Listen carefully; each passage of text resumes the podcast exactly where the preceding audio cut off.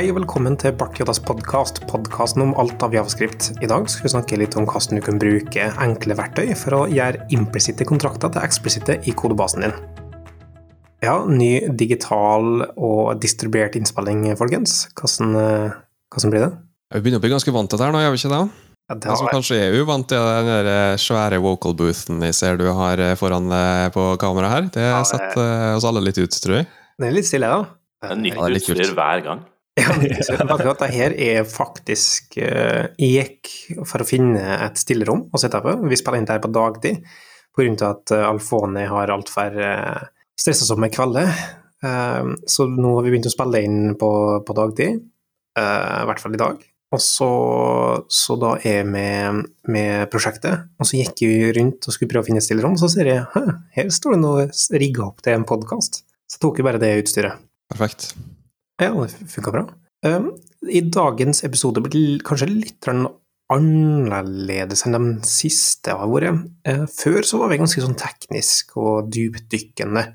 Og så har vi beveget oss opp, opp i overflat og svømt litt, tatt litt luft, eh, holdt oss i overflat. Og, så tenker jeg at nå er det på tide å prøve fridykking igjen, og se hvor langt vi kan komme ned, og om vi når bunnen til slutt.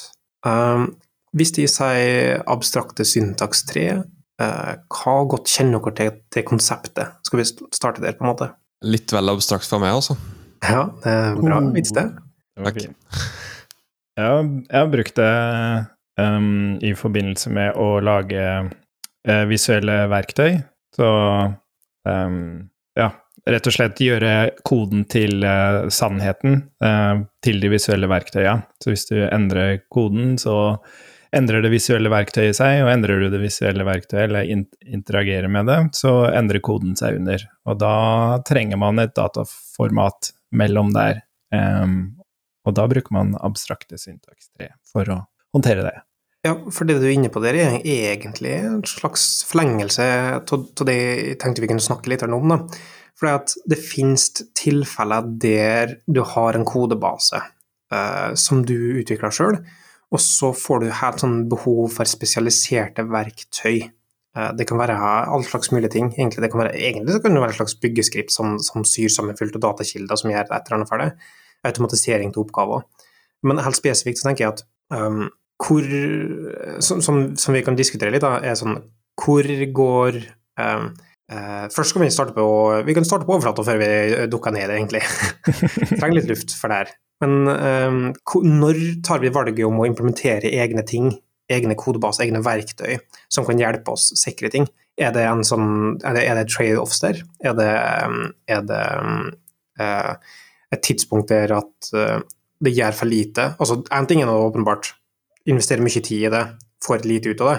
Men en annen ting er um, er det, er det uh, ulemper med å lage egne verktøy, som f.eks. at da må de vedlikeholdes? Det er kanskje én person som har skrevet de verktøyene, som um, gjør at det blir vanskelig å ta over tid. Eh, Hva med når kravet endrer seg, og du ikke lenger kan uh, vedlikeholde de verktøyene? Så Mm. det er et par sånne interessante spørsmål. Igjen, det er ikke super eh, Det er ikke superrelatert til den tekniske biten som vi- det jeg tenkte vi kunne snakke om, men jeg tenker at det er en sånn interessant diskusjon å ha som preface til, til uh, det tekniske. Da.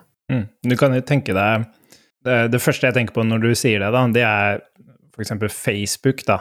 Uh, de har en haug med engineers, masse prosjekter, og snakker om å lage egne verktøy, og um, de gjør ekstremt mye på egen hånd da, og bygger ting selv. Mens hvis jeg skulle lage bloggen min, for eksempel, da, så vet jeg ikke om jeg ville eh, gått inn og begynt å lage mine egne custom-verktøy for eh, kodekvalitet, eller hva enn det skulle være. Um, så for meg så er det størrelsen på prosjektet og hvor mange som er involvert i det, og hvor lenge du skal maintaine prosjektet, da. Jeg tenker at det er kanskje like så viktig å, å se hva, hva slags type problem det løser. En ting er det du sier med kodekvalitet. Det tenker jeg at Der kan du legge på så mye du vil, for der kan du fjerne i ettertid. Det har ingen konsekvenser om du fjerner mekanismer for kodekvalitet i ettertid. Mens hvis du lager noe sånn um, Her er et stort verktøy som, som um, uh, vi er avhengig av å bruke for å kunne gjøre jobben. det er kanskje en større risiko igjen. Sant? Hvis du hadde bygd et eget verktøy for git-management, sånn som de må sikkert gjøre på Facebook. som vi vet. Mm. Ja, ikke sant. Eller så har du uh, måten å komme rundt For jeg er helt enig i det du sier, men jeg, jeg, tenker den måten man kommer rundt det på, ta sånn som React eksempel, det er jo på en måte et inhouse-verktøy Facebook har bygd, uh, og der skjer det jo endringer. Og det er jo en enorm kodebase som bruker det, men der bruker de jo codemods for å Som igjen er jo et verktøy, ja. men uh, men for å komme forbi det, da. Men jeg er helt enig i det du sier, at det er på en måte det som gjør minst inngripen da, i selve koden. Det er jo å ha analyse på toppen av det, som bare varsler. Helt spesifikt for, for mitt tilfelle, da, grunnen til at jeg begynte å tenke på det, er for at eh, i kodebasen som vi jobber med nå, så har vi et problem.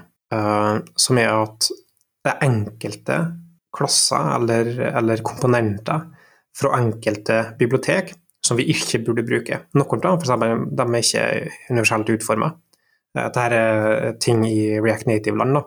Så Noen av dem er ikke universelt utforma. Andre har bugs med seg. Andre er sånn at f.eks. Uh, uh, du har noe som heter React Native Gesture Handler, uh, som er på en måte en, uh, et alternativ til de innebygde uh, tingene i, i, React, som gjør at du kan at det blir mer performant og mer fluid bruk av, av, enkelte ting, da, sånn at de, oppleves bedre i, i, i grensesnittet. Så der så er det slik at jeg skal bruke alle native-komponentene som har um, gestures fra den pakka, men ikke på touchables, som er vanlig pressable knapper, fordi at de funker ikke med universell utforming. Uh, så sånne typer regler det er ting som vi bare i teamet må vite. sant? Og, det er som, de som er erfarne i teamet, de vet det, for de har gått på den smellen før. Eller du kan ha sånn um, safe area handler, som er et uh, rammene du kan bruke når du for å ta høyde for notches i apper og, og, og, bottom og eh, padding og alle sånne ting. Der så er det en ting som kommer fra uh, React Native, men den funker ikke i lag med en som har en, en tredjepartsbibliotek. Så igjen der skal du preferere den andre pakka over den andre. Igjen, det er ting som skaper bugs, som det er ikke enkelt å finne ut at det er bug, for du må vite om at ja, men her skal du bruke den, og ikke den. Så det er en sånn implisitt kontrakt eller implisitt kunnskap i teamet som er sårbart for onboarding, sårbart for folk som er ferske på teamet, og så sårbart for løsninger i seg hele tatt. Fordi det, du gjør det lett for deg sjøl å rulle ut bugs. Så hvordan kan en håndtere sånne type ting, da, er liksom spørsmålet. Hva, hva ville du ha gjort, uh, Tryggestad? Uh, det her er jo en ting som uh, sannsynligvis ville ha blitt oppdaga på et pull request, da, f.eks.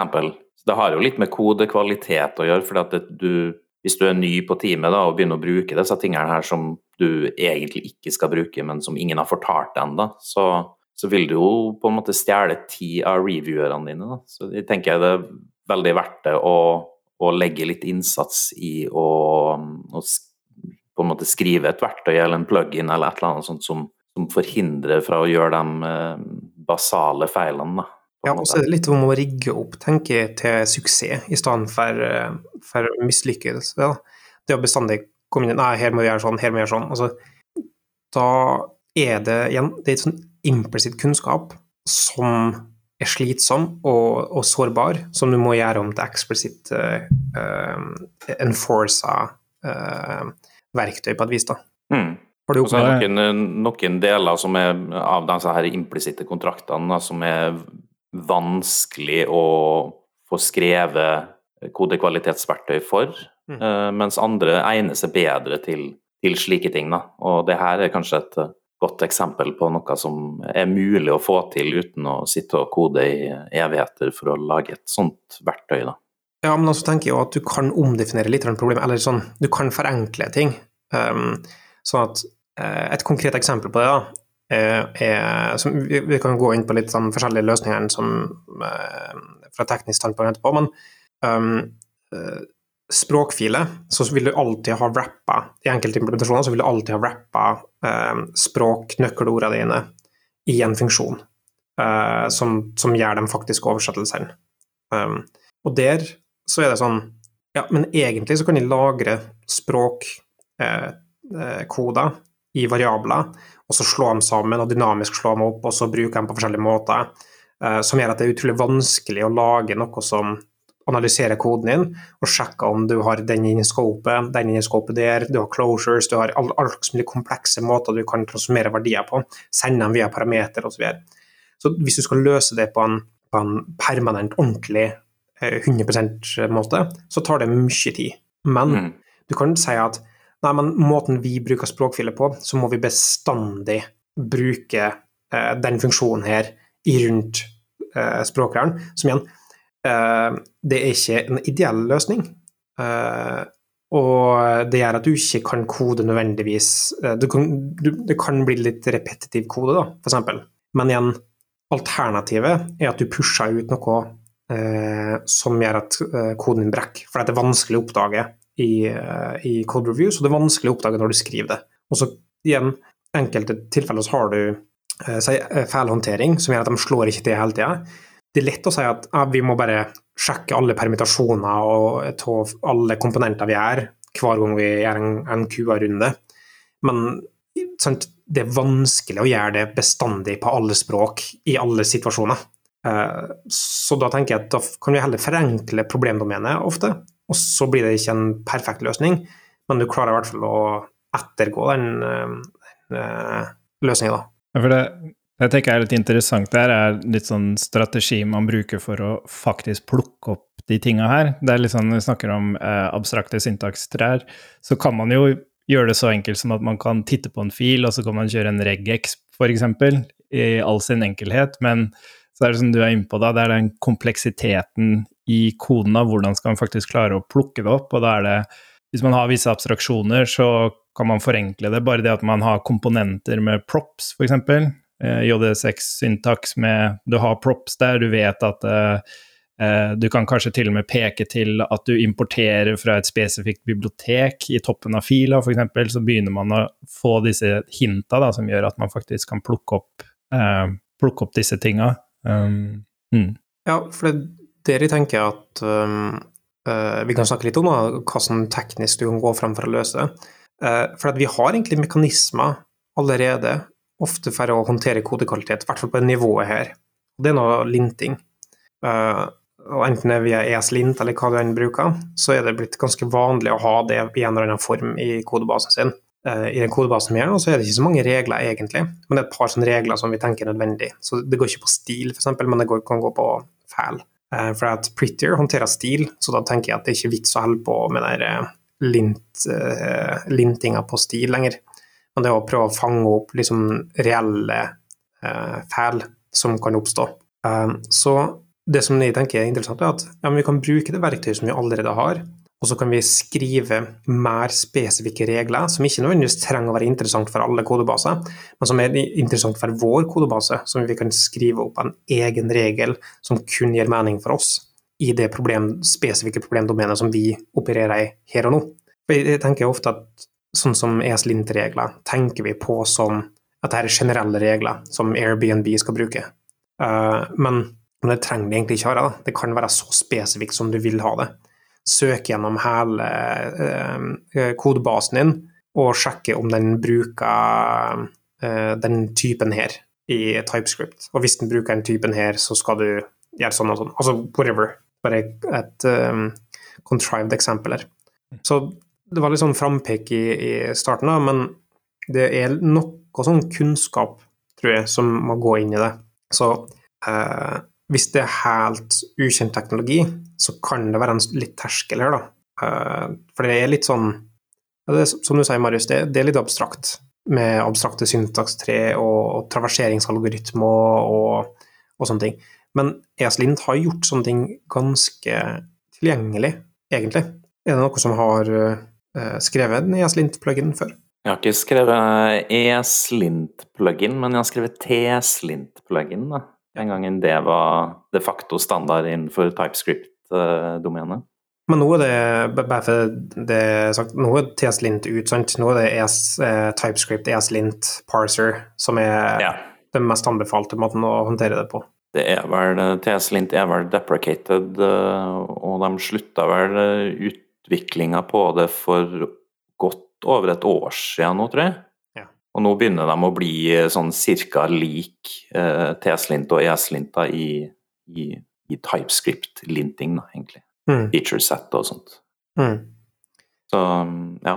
Men eh, det, den gangen så skrev jeg jo en, en plugin som, som brukte da TS-lint, og de hadde jo også abstrakte syntakstrær, da. Men, eh, Den gangen så kikka jeg på kildekoden til de andre reglene som var built inn, og så eh, copy-pasta jeg og skjønte litt eh, ekstra på den måten, da. For det er litt uh, annerledes å begynne å, å jobbe med AST-transformasjoner og sånt. Jeg er helt enig. Eh, kan ikke du ta en uh, kjapp intro til hva en AST er, da, Alfoni? Du som har uh, kjennskap til det fra før av. Eh, ja, så hvis man ser for seg en fil med masse kode i, så er jo det bare tekst. Og det AST er, det er egentlig en eh, datastruktur som representerer den koden du ser i fila di. Så du har muligheten til Og den identifiserer absolutt alt da i form av Jeg kan ikke alle begrepa her, men det, du har sånn tokenizers og alt mulig, men du kan bare se på det som en datastruktur. Um, der du har noder, og alle nodene er av en spesifikk type, så du kan ha eh, alt fra en class declaration til eh, eh, expression, alt mulig. Um, string, literal, ja, alt du kan tenke deg dypt, dypt i, i språket. Um, Ja, for det, Så har man- Bare for sånn um, uh, gi søkeord på det her, da. Uh, så det du er inne på, er at forskjellige steg i en parser, der du um, Det som du snakker om tokenization, er liksom det første steget der du går over og, og søker ren tekst over og gjør det om til et liste med tokens. Uh, og det er det som er eksempel for unexpected token i, i neste når du prøver å oversette det til uh, syntakstre. Tre, oi, jeg vet ikke hvor jeg plutselig kom fra. Men, men uh, syntakstre, um, Mm. der du møter på et token som, som ikke passer inn i grammatikken som du har spesifisert. Kanskje Jason Parse er en, et veldig godt eksempel, for de fleste har vært borti Jason Parse, og det er jo på en måte det som skjer. Ja. Og, og hvis folk er interessert i AST og sånne ting, så det å skrive sin egen parser for Jason eh, får det meste eh, rett fram. Det er litt av en sånn number handling med eksponentielle verdier og, og litt sånne ting, som er litt sånn krøkete. Men hvis en ser bort ifra det, så er det, er det ganske artig øvelse.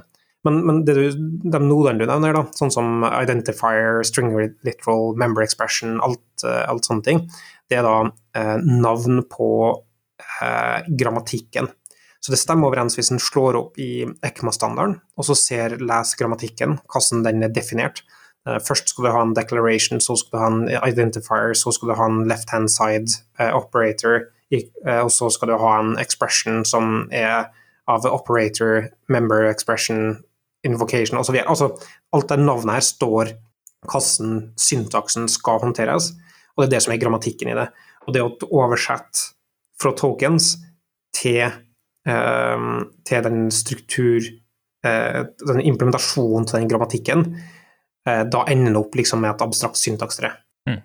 Og eh, for å virkelig på en måte få et bilde av det her, så er det en tjeneste som heter AST-Explorer. ASTexplorer.net, tror jeg. Ja. Uh, det er bare det er, bare, det er sånn instant mentalt bilde av hva som foregår, da. Så det er kjempe, kjempe, kjempebra. Du kan klikke i nodene, og så ser du hva det representerer fra koden du har skrevet ved siden av. Sånn. Det er kjempe, kjempebra. Det er en helt Det er favorittverktøyet mitt overalt. Bare, Du bare sitter der og skriver litt kode og ser syntakstreet komme opp og klikke litt rundt og åh. Ja, det, men det, er, det, altså det er så fenomenalt. Det løser én ting, men det løser én ting superbra. Mm. Eh, der du kan ha kildekoden din på venstre sida, og så har du AST-en din på høyre sida. Og så kan du som du sier, klikke inn på den forskjellige nodene og undersøke hva som ting henger sammen.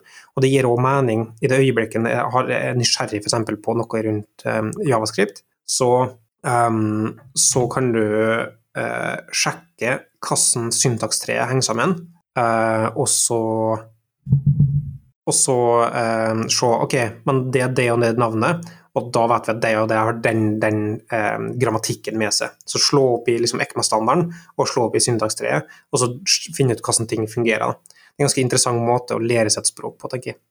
Og AST. Explorer har støtte for mange forskjellige språk, ikke bare javascript og typescript og sånne ting. Eh, Og de har òg støtte for det som du var inne på tidligere, eh, Tryggestad, med transformering. Det å oversette fra én AST til en annen AST, eller til samme AST-en, bare med endra noder. For det er kanskje et viktig poeng da, når man først har Den ene prosessen er å se på, på koden og bygge et, eh, bygge et abstrakt syntakstre, men du kan også printe det abstrakte syntakstreet ned til kode igjen. Um, og der har du i praksis implementasjon til Prettier.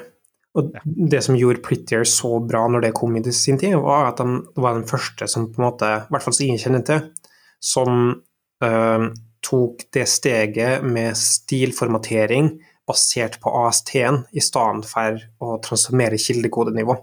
Eh, og det er en interessant greie. Det betyr i praksis at du kan ikke formatere ugyldig syntaks, så det er en drawback med det. Og det har du kanskje merka ofte. Men det tenker jeg egentlig bare er en styrke òg, da. Det at når du prøver å lagre, og så får du ikke formatert det, så tenker jeg ok, men her er den, her er den feil. Mm. Ja, ikke sant. Ja, det, det, det pussig det der. At det, Prettier har en sånn sekundær måte å hjelpe deg på. Og det er syntaks, altså komplette syntaksfeil, liksom, for da får du ikke formatert det. Uh, det er sant, det. Men uh, Jeg tenker jo hvis, hvis, den skulle ha formatert, så hadde den sannsynligvis gjort noe gærent, da. Altså noe du ikke hadde lyst til at den skulle gjøre. Ja, ikke at den ikke hadde, hadde gyldig syntaks. Så det er egentlig bare en fordel. Men en ting som er interessant med abstrakte syntaks tror jeg, som jeg, eh, jeg har vært borti, um, som ikke har uh, utforska noe videre, det er det her med um, Når vi skriver kode, så har vi jo linjeskift og space, altså tab versus space og alle disse tinga her, og det er ikke en del av en AST. Ikke sant? Så hvis du vil ha et linjeskift, så har du ikke en node som heter linjeskift, f.eks. Uh, og det er ganske interessant. Ja, for det er ikke en del av syntaksen, sant? I hvert fall ikke, på, uh, ikke i språk som der whitespace uh, ikke har noe innvirkning på syntaksen. Men det som skiller et abstrakt syntakstre fra et vanlig syntakstre, så vidt jeg vet, er at den inkluderer f.eks. kommentarer mm. og informasjon om, om, linjenummer og sånne ting.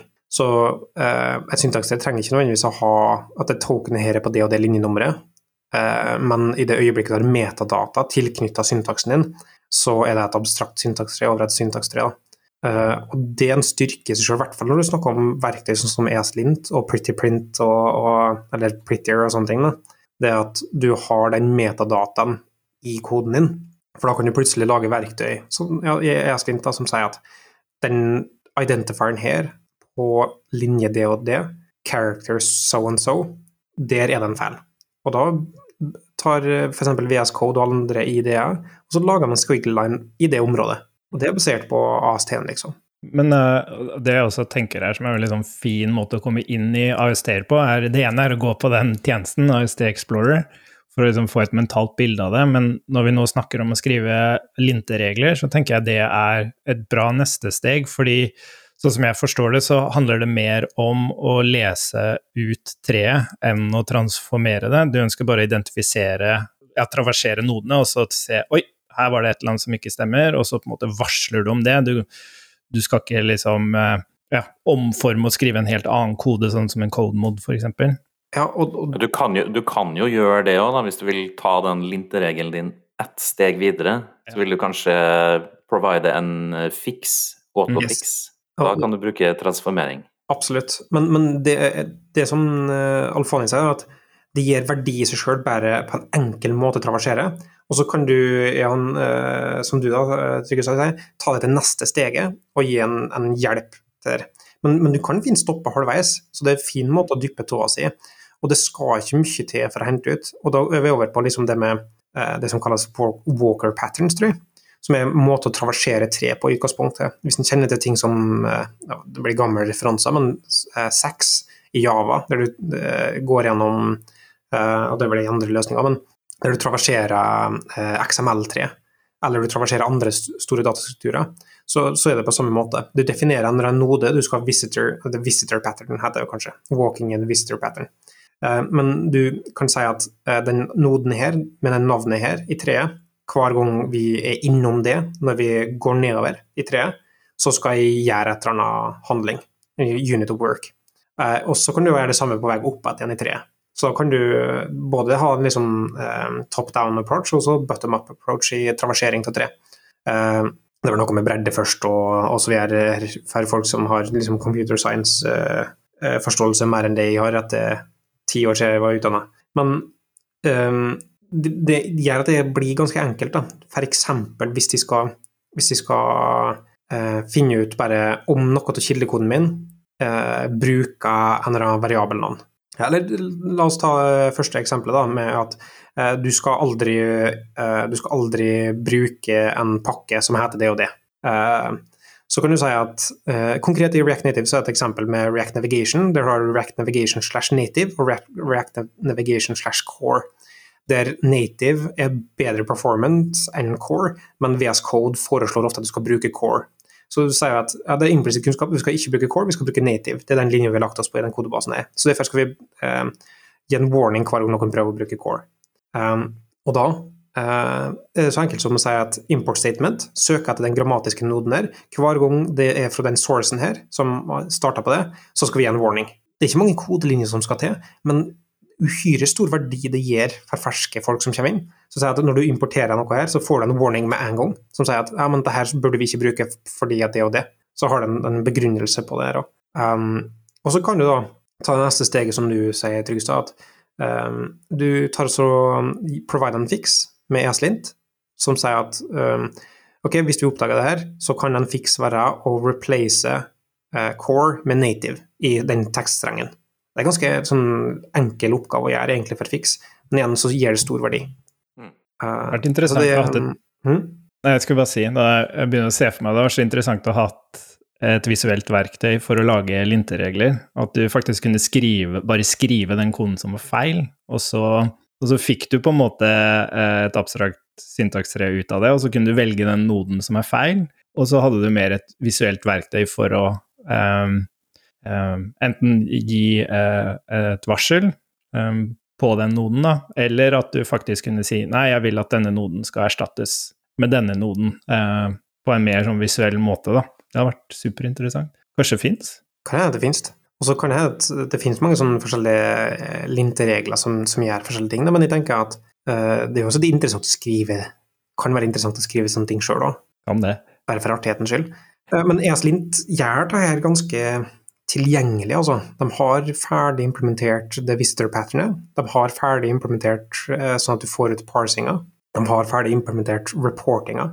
Og siden det er en del av et større, et stort brukt økosystem, så er det integrert med sånn at du får varsel inn i f.eks. VS Code. Så det er utrolig lite kode som skal til. Og så plutselig kommer det opp en squeaky line på en node som du har reporta i koden din. Det er noe usedvanlig tilfredsstillende med at bare ting funka så sømløst, da. Tar du deg selv i å skrive slash core noen ganger, bare for å se at regelen din trenger Og så bare command uh, punktum fix hver gang. Jeg lurer jo på et par ting, da. Uh, nå har vi jo vært ganske Nå har vi vært og dykka litt, som du sa, Mikael. Kanskje vi skal ta et uh, lite fraspark og, og, svømme litt opp til overflata igjen? Jeg vil ikke hvor på båten, bare for det sagt. Nei, ok, så jeg får ikke et fraspark, et skikkelig fraspark, det får jeg ikke nå. Nei, du må snu og svømme opp igjen. Ah, det hørtes slitsomt ut. Men det jeg i hvert fall har lyst til å touche litt inn på, er jo det at du har vært inne på alle de fordelene her. Eh, og du har snakka litt om det skillet mellom erfarne og litt eh, mer uerfarne utviklere, og hvilke fordeler det her vil ha for den dynamikken. da. Men hvor går på en måte grensa mellom eh, altså På et tidspunkt så vil man jo ende opp med å være veldig avhengig av eh, sånne ting som det her. Eh, med mindre man legger til rette for at den som skriver koden, får en, en forståelse for hvorfor ting er som de er, hvis du skjønner. Uh, hvis man har skrevet en, en clever autofix, da, at ting bare fikses av seg sjøl, så vil jo ikke den uerfarne utvikleren eh, verken forstå eller kanskje ikke legge merke til at det skjer. Ja, eh, det er forskjell på autofix og, uh, og uh, fix suggestions, på en måte. Uh, mm. For det første så handler det om å skrive gode nok feilmeldinger. da. Uh, på mine ESLint-regler til nå så har jeg sikkert ikke skrevet gode nok feilmeldinger, bare for det er sagt. Hvis noen får inn og sjekker i kodebasen, uh, arresterer meg på det. Men um, en, en, ting er da Litt innledningsvis så snakka jeg om, om ulempene med å skrive sånn adhoc-verktøy. men der tenker jeg at så lenge en tar litt sånn progressive enhancement-øye med deg, da, det at du legger oppå sånn at du, bare eh, forbedrer det, og ikke på en måte gjør det avhengig av at det må være slik. Så at du kan faktisk fjerne det og du ødelegger ikke noe annet enn det du har lagt til deg sjøl. Det tror jeg er viktig. Og så er det det med gode nok feilmeldinger som gir det konteksten i hvorfor de valgene er tatt. F.eks. det med, med, med, å ikke bruke eh, core med native. Så burde du skrive egentlig feilmeldinga at eh, da har vi bruka eh, native på grunn til så og så og så. Eh, og så kan du da trykke eh, quick fix, så fikser han det for deg sjøl. Mm. Eh, men, men, jeg vil ikke sånn autofix bestandig på en, en githook, liksom. Eh, men det er jo litt for at det er ikke bestandig at det er rett. Det kan være tilfeller der at Nei, men i det tilfellet her så støtter jeg ikke den og den det. Det er ikke en ekvivalent å bytte ut. Så derfor i det tilfellet her så er det faktisk rett å bruke core, men da uh, kan du ignore den regelen akkurat her. Men igjen, da gjør du det implisitt over til eksplisitt, da, med å ignore akkurat den uh, tilfellet der. Mm. For det, de tinga jeg, jeg begynner, jeg har ikke tenkt så mye på det før vi begynte å snakke om det nå. og Én ting er sånn stil som vi snakker om, andre ting er ting som kan være bugs. Men jeg tenker også eh, Det går vel litt inn i stil, men jeg tenker på ta sånn komponenter, da. Eh, sånn som jeg har jobbet på et større prosjekt med flere kollegaer, og bare en sånn enkel ting som Skal man eksportere en komponent med eksport og navnet på komponenten, eller skal man bruke eksport default, f.eks.? Det kanskje, fins kanskje linteregler for akkurat det, men så har du også andre ting som hvis du bruker TypeScript, skal du eh, type eh, med react.fc eller react.purecomponent, eh, eller skal du type med props i, altså, på, på selve argumentet? Det har du svaret på, Alfani. Om jeg har svaret på det? Jeg har en bloggpost. Å, har du det? Ja. ja Men det, kunne jo, du kunne jo avslutta den med Her har du noen linteregler som hjelper deg å følge mine anbefalinger. Ja, det, det, det, er sant. Det skal jeg gjøre. Jeg skal skrive det i den nederste bloggposten. Her er Michaels uh, uh, opinionated Nei, ikke uh, factual-based opinions. Nei, men altså, det går, det går, på et eller annet nivå her, da. Og mange av disse du nevner, det finnes nok sikkert fra før av. Um, men er det sånn Ja, det går an. Også på ett, på ett punkt så kan grensa gå òg. Uh, jeg, er ikke, jeg, er ikke, superfan av linting i alle, jeg er superfan av streng linting i alle tilfeller. Men i den tilfellet der det hjelper det å løse konkrete feil, så tror jeg det kan være en fordel. Uh, og gjerne konkrete logiske feil, eller ting som ikke lar seg fange opp av syntaks i seg sjøl, eller, eller, gyldigheten til et program, uh, så kan det gi verdi. Men jeg, tror ikke at vi på en måte skal legge alle føringer for hvordan alt skal være. F.eks. sånn Eh, du skal alltid ha under 15 linjer kode per funksjon. Eh, funksjonsnavnene skal bestandig ha eh, et verb i starten. Du skal alltid avslutte private, eller starte private funksjonsnavn på understrek. Altså, det finnes mange ting du kan gjøre med det, men det er mange ting der som ikke er strengt tatt nødvendig òg, da. Så, så, jeg ville vært redd for overbruk òg, på et vis. Jeg må, jeg må, innrømme at en av de to-tre TS-Lint-reglene jeg har skrevet sjøl, det er akkurat en som får påkreve en underscore i begynnelsen av en eh, private metode. Men det, det, det var begrunna i eh, Vi brukte Angular på det prosjektet. Mm. Og i og med at vi da hadde HTML-filer som en separat Altså komponenter sin HTML i en separat fil, så var det litt eh, Det var en ulempe, da, hvis det gikk an å bruke både public og private members i den HTML-en. For det, det skulle jo egentlig ikke skulle ikke være lov å bruke privates. Da. Du skulle kun bruke publics. Um, og når man ikke hadde den navnekonvensjonen, så var det veldig vanskelig å skulle sitte og reviewe HTML-filer uten å se på uh, den tilhørende TypeScript-fila, for å sjekke liksom, om det var publics eller private som var brukt. Så ved å enforce en slik regel, da, så ble det veldig in your face når du reviewa HTML-koden, om de hadde prøvd å bruke en public, eh, nei, en private variabel. Ja, altså det var bare et eksempel jeg kom med. Altså, det kan være rett for kodebasen din, det, det sier, men uh, uh, Men apropos det du sier, in your face code reviews, det er en annen interessant ting her, er at Uh, siden det er et standardisert støtte og standardisert måte å bruke det på, så kan du f.eks. bruke GitHub Apps altså, som gjør at du får opp lintreglene i code review nå, sånn på linja i diffen din, så ser du at her er den feil. Det kan du òg bruke til å f.eks. lage egne accessibility-regler.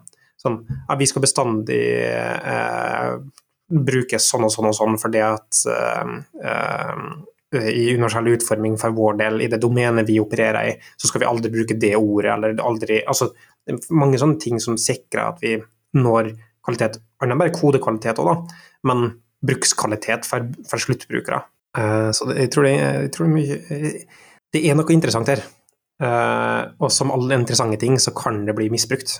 Men det, jeg tenker også én ting er det her med å på en måte varsle problemer og at ting skal være likt, men det er også bare det her å samle data. Det er også interessant. Uh, for å på en måte skape en rapport av hvordan skriver vi koden, hvor på linje er vi, eller hvor mange variasjoner av eh, koden vår, eller hvordan uttrykker vi oss forskjellig, f.eks. For eksempel. um, og ikke bruke det som en sånn derre enforce i koden når du sitter og skriver, men heller noe man kan snakke om basert på en rapport. da. Um, rett og slett bare å gå gjennom all koden. Um, men jeg har også snakka med Det var et intervju her, og da var det en kar som fortalte om at de hadde et komponentbibliotek som de brukte på tvers av applikasjoner. og Det jo ganske mange utviklere.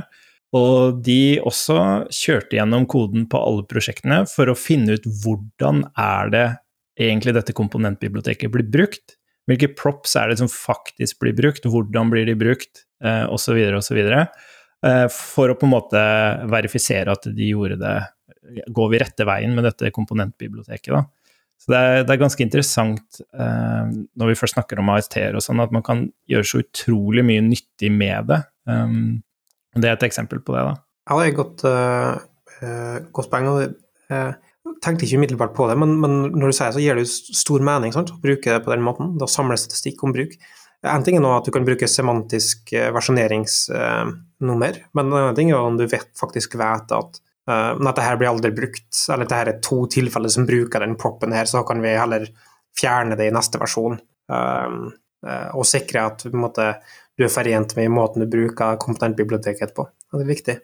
Eller bare denne komponenten så overrides alltid stylinga, liksom? Er det Kanskje vi burde ha noe internt i komponenten? Altså, ja. Kanskje er det to forskjellige komponenter? ja, ikke sant. Mm.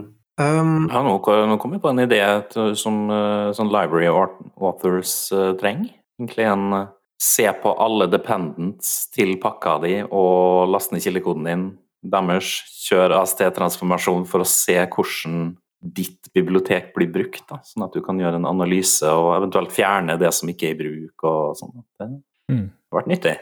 Ja. Det har vært ekstremt nyttig. Høres ut som det tar mye CPU-kraft. Ja. Ikke særlig miljøvennlig. Kan man altså må det være public òg, da.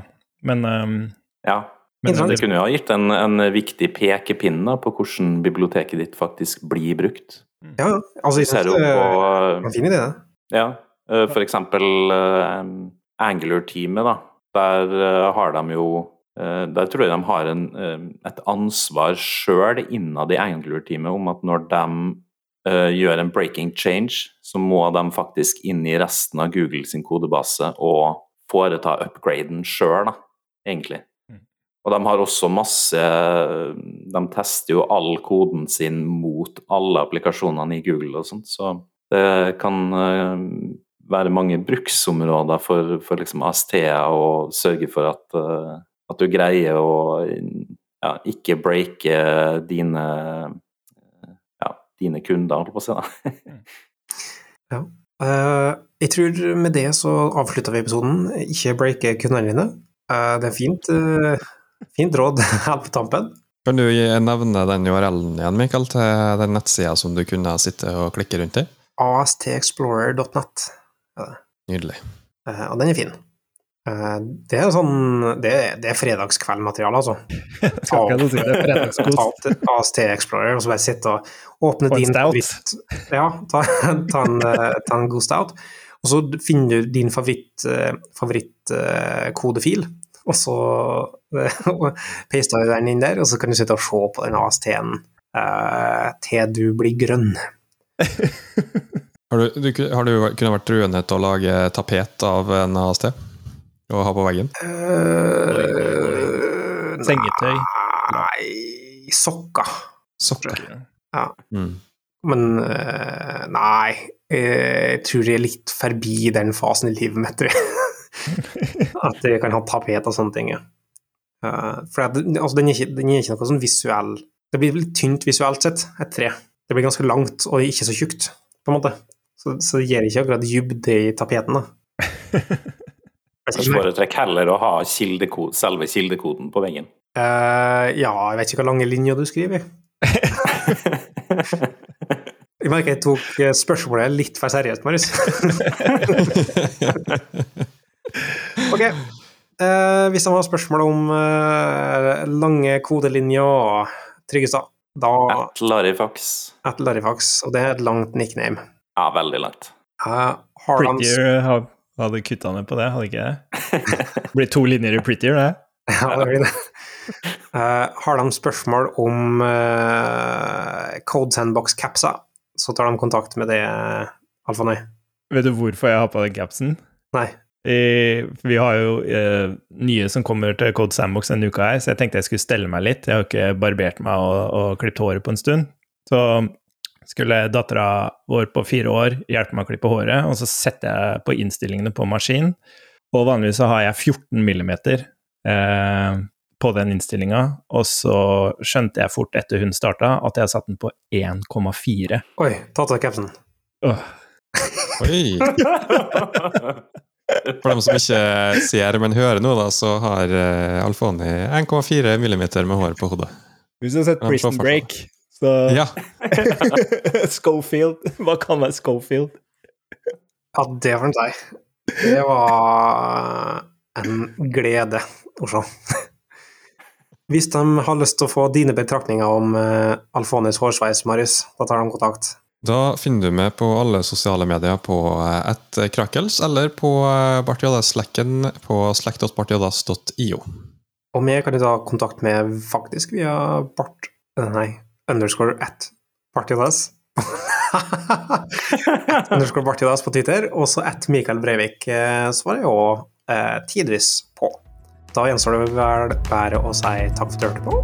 Så høres vi i neste episode.